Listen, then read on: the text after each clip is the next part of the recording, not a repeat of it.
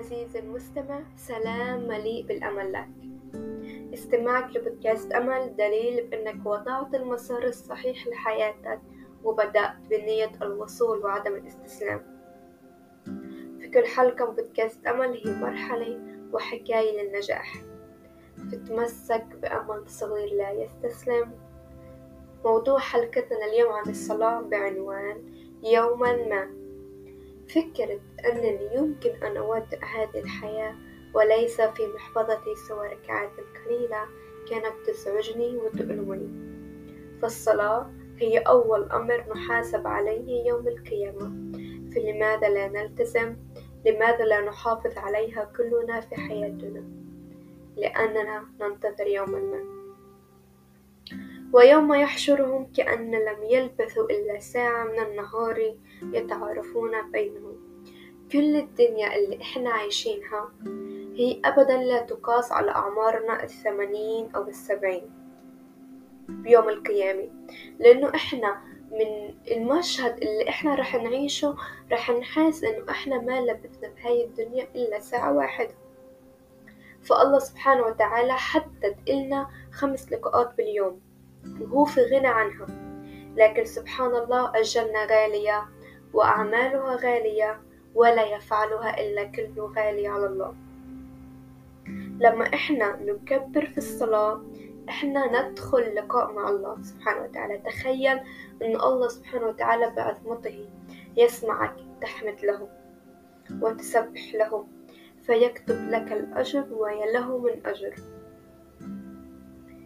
تخيل عزيزي المستمع أن كل صلاة إلها فضل. فيقول الرسول صلى الله عليه وسلم من صلى الفجر فهو في ذمة الله إن لم تكن في ذمة الله فستكون في ذمة من. تخيل عزيزي المستمع إنك أنت عم تبدأ نهارك بصلاة الفجر يعني عم تبدأ نهارك مع الله. كيف رح يكون نهارك؟ غير إنه الشعور بداخلك غير السكينة الراحة الاطمئنان. تخيل إنه بين كل الناس حواليك نايمين أنت عم تصحى وتصلي صلاة الفجر وبيتك العبد أو الإنسان اللي بكون بيصلي صلاة الفجر بيته عند الله سبحانه وتعالى بيكون يشعل نور. سبحان الله. عن تجربة قبل كم يوم هيك فجأة بدون حتى ما تليفوني يرن أو إشي صحيت على صلاة الفجر. هيك إشي صحاني كأنها رسالة من الله إنه قومي يا أمل صلي صلاة الفجر. ونعم قمت صليت صلاة الفجر وبدأت نهاري مع الله سبحانه وتعالى. بهذا اليوم كنت غير. كنت مل... كنت ملانة مش بس راحة وسكينة واطمئنان شجاعة. فأنا بهذا النهار بلشت أخطو أكبر خطوات لحتى أحقق حلم وحكاية جديدة بحياتي. ونعم من هذا اليوم وأنا بحاول كل يوم ألتزم بصلاة الفجر لحتى تصير عندي عادي. فأنا أحد أهدافي الأساسية إني أقوي علاقتي مع الله سبحان الله. أقوي علاقتي مع الله لحتى استنى عن جد استنى يأذن استنى أسمع صلاة الأذان لحتى ألتقي مع الله سبحانه وتعالى وأشكره وأحمد له أسبح له وأدعي له فإن الله أبدا لن يردك خائبا صدفت منشور على الانستغرام بيحكي عن نصيحة من أب له تخطى ثمانين عاما. ليتني كنت أصلي ركعة أو ركعتين من قيام الليل يوميا قبل النوم. وكنت أعلم أنها سترفعني درجات عدة ولو قمت الليل بمائة آية سأكتب من القانتين ليتني كنت منهم قائما قانتا. تمنيت لو أني أدمنت جملة. استغفرك ربي وأتوب إليك. بعد كل ذنب. ويغفر لي بها ذنوب كثيرة. ولكني كنت أستثقلها فيضيق صدري. كنت أترك صلاة الفجر وأنا أعلم جيدا أن ترك صلاة الفجر من صفات المنافقين. ما أصعب وما أقسى من شعور الندم بعد فوات الأوان. ولكن أنا وإنت عز المستمع حتى الآن لم يفتنا الأوان. فليش أنا وياك بعدنا ننتظر يوما. ما صلاة قيام الليل هي إنك أنت عم تصحى من نومك ومنتصف الليل عشان تلتقي مع ربك. تدعي له تبكي له تحمده تشكره تشكي له همك. فبقولوا إنه صلاة قيام الليل هي صلاة المعجزة. فأنت أي إشي مضايقك نفسيا معنويا ماديا صلاة قيام الليل كفيلة بإنها تحله والعبد أو الإنسان اللي هو ملتزم ومستمر يوميا بصلاة قيام الليل أو صلاة الفجر. فإذا يوم هو ما صلى قيام الليل الملائكة بتسأل عنه بتقول هذا العبد ليه دور اليوم مش عم تشعل نور؟ ليه هو ما صلى قيام الليل؟ تخيل إن الملائكة عم تسأل عنك عز المستمع. فإذا كنت مهموم فرجك قريب وإذا كنت مريض شفائك قريب إيه الإشي بكشر البدن. وليه إحنا ليه أنا أنت. ما بنصلي قيام الليل. خلونا نلتزم بصلاة قيام الليل نلتزم بجميع الصلوات اللي إحنا من خلالها رح تقوى علاقتنا مع الله سبحانه وتعالى. كيف تصحو من نومك لرزقك ولا تصحو لرازقك هاي الجملة هي بحد ذاتها لازم تخلينا نصلي. صلاة الفجر صلاة قيام الليل نبدأ نهارنا مع الله سبحانه وتعالى.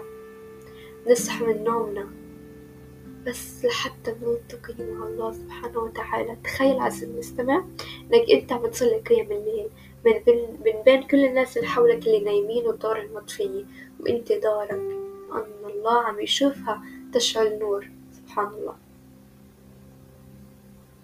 عزيزي المستمع عم بتحس إن الصلاة ثقيلة عليك. أغلبنا حسينا بهذا الشعور ومعظمنا ما زال يشعر. ولكن في حلقة اليوم مع أمل رح نتخطى هذا الشعور. أول إشي بنعرف إن الصلاة هي فرضت في ليلة الإسراء والمعراج. بس الرسول سبح... الرسول صلى الله عليه وسلم كان دائما بحدث الصحابة عن الله سبحانه وتعالى من القرآن الكريم. فالصحابة تعرفوا على الله أولا صفاته قدراته حتى استقر حب الله في قلوبهم. فهني صارت الصلاة تربطهم بالله سبحانه وتعالى إن هن عم يلتقوا فيه من خلال الصلاة عم يعبروا عن حبهم لأنه هن استقر حب الله في قلوبهم. فكذلك أنت عز المستمع ضع حب الله سبحانه وتعالى في قلبك. وهكذا الصلاة رح تصير كأنها وسيلة للاتصال مع الحبيب. كان الرسول صلى الله عليه وسلم يصلي قيام الليل حتى تتورم قدماه. قديش إشي بكشر البدن. يا سبحان الله. بس اليوم الإنسان ما عندوش أبدا أي مشكلة إنه يحكي مع اللي بحبه. نهار كامل ساعات بس كتير صعب عليه كتير ثقيلة إنه يصلي. يقضي فرض الصلاة اللي عليه. لو أي وضع إحنا وصلنا اليوم. هاي إنك أنت تتخيل نفسك إنك أنت عم تصلي بخشوع ويقين تام بان الله لن يردك خائبا. فالصلاة هي صلة بين الإنسان والله عز وجل. هي الراحة والسكينة والطمأنينة النفسية ومن تركها فقد صلتي بربي. أكيد أنت عز المستمع وأكيد أنا ما بدنا نفقد هاي الصلاة فهي اللي تربطنا بهاي الحياة. بكفي إنه تعرف ونعرف إن الصلاة هي أول أمر إحنا نحاسب عليه يوم القيامة. فتعلم حب الله. اقرأ القرآن الكريم. استمع إلى قصص الأنبياء ولو خمس دقايق كل يوم مرة مرة رح تزيد يعني أنت إسا ابدأ بعادة جديدة بحياتك كنا إنه عاداتنا الصحية والصح هي اللي بتضعنا بالمسار الصحيح للحياة. كل مرة عمر إنك أنت لو وقت صغير من. من يومك تقرأ قرآن تسمع الأحاديث إلى قصص تتعلم حب الله تتعلم الكون اللي إحنا عايشين فيه قد هو إشي عظيم. هاي هي رح تصير عادة عندك. هيك أنت رح تستثمر رح تثمر من جوا بحبك لله ومعلوماتك. رسخ بعقلك عزيزي المستمع. أن الله السميع الذي يسمع دعائك أينما كنت. الله الشكور الذي يعطيك على العمل القليل الشيء الكثير.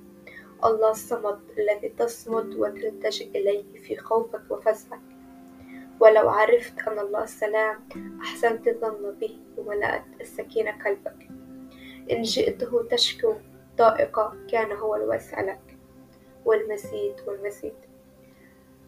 ويا عزيزي المستمع وما أجمل الصلاة بخشوع وما أجمل أن تطول السجدة وما أجمل ذكر الله سبحانه وتعالى دائما.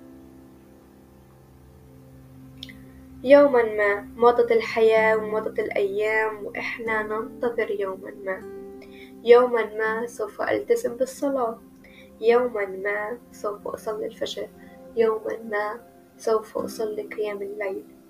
فهيك إحنا عم نغرق في بقعة يوما ما. في هاي البقعة أنت عز المستمع عم تغرق أكثر فأكثر بسبب الحجج السخيفة. فلا شيء أهم من الصلاة. بعيد أن الصلاة هي أول أمر إحنا نحاسب عليه يوم القيامة. فلا تنتظر يوما ما بل اصنع اليوم وخذ القرار. الخروج من بقعة يوما ما كأنك أنت عم تطلع من منطقة راحتك اللي أنت ضليت فيها بالحجج والأعذار فالمحافظة على الصلاة يعني الحصول على حياة أكثر سعادة. فعزيزي المستمع لا تتجاهل الصلاة فهي مصدر للسكينة والراحة. من الحجج اللي إحنا بنستخدمها عشان إحنا نضل في بقعة يوما ما ونستمر في الغرق أكثر فأكثر ناخذ مثال نحكي إنه سمير مو أصلا معتاد على الصلاة منذ الصغر. عشان هيك اليوم كتير محافظ وملتزم بالصلاة. أو نكون مو فلان تربى وكبر في بيت محافظ وملتزم على الصلاة. غلط غلط. هاي عادة اللي كتير ترسخت فينا بشكل غير مباشر لحتى نرضي نفسنا من الداخل. بس اليوم تذكر وخاصة اليوم مش كل أصابعك العشرة زي بعض بيكونوا ثلاث إخوة بنفس البيت. بس واحد منهم ملتزم ومحافظ على الصلاة. والباقي لا. ماشيين مسار غلط مثلا. عشان هيك افهم اعرف إنه عادة الالتزام بالصلاة هي تكمن من داخلك أنت.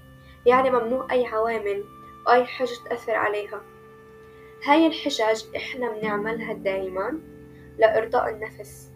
عشان إحنا نرضي نرضي حالنا من جوا إنه إحنا مش مقصرين بس كتير في عوامل خارجية عم تأثر فينا. وبناخدها كحجج ولكن مع مرور الوقت بتبلش أنفسنا بالداخل تتآكل من الندم.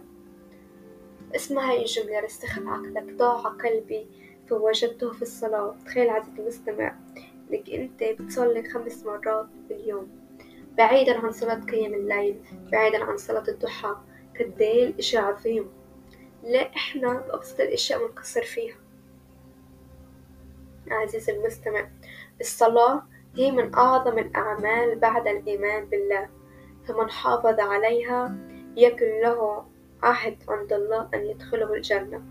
ومن لم يحافظ عليها لم يكن له عهد عند الله إن شاء عذبه وإن شاء غفر له. فبنهاية حلقة اليوم عز المستمع اخرج من بقعة يوما ما وتعلم حب الله. فالعلاقة بينك وبين الله من أعظم العلاقات والتي تدوم للأبد واللي دايما لها تأثير إيجابي على حياتك. فلا شيء أجمل من علاقة الإنسان بربه وعن جد فيش إشي أجمل. بحب أسمع راكب حلقة اليوم. تابعونا على مواقع التواصل الاجتماعي لتعرفوا كل أمل جديد. تلاقوا الرابط بصندوق الوصف. ونلقاكم بأمل في حلقة جديدة.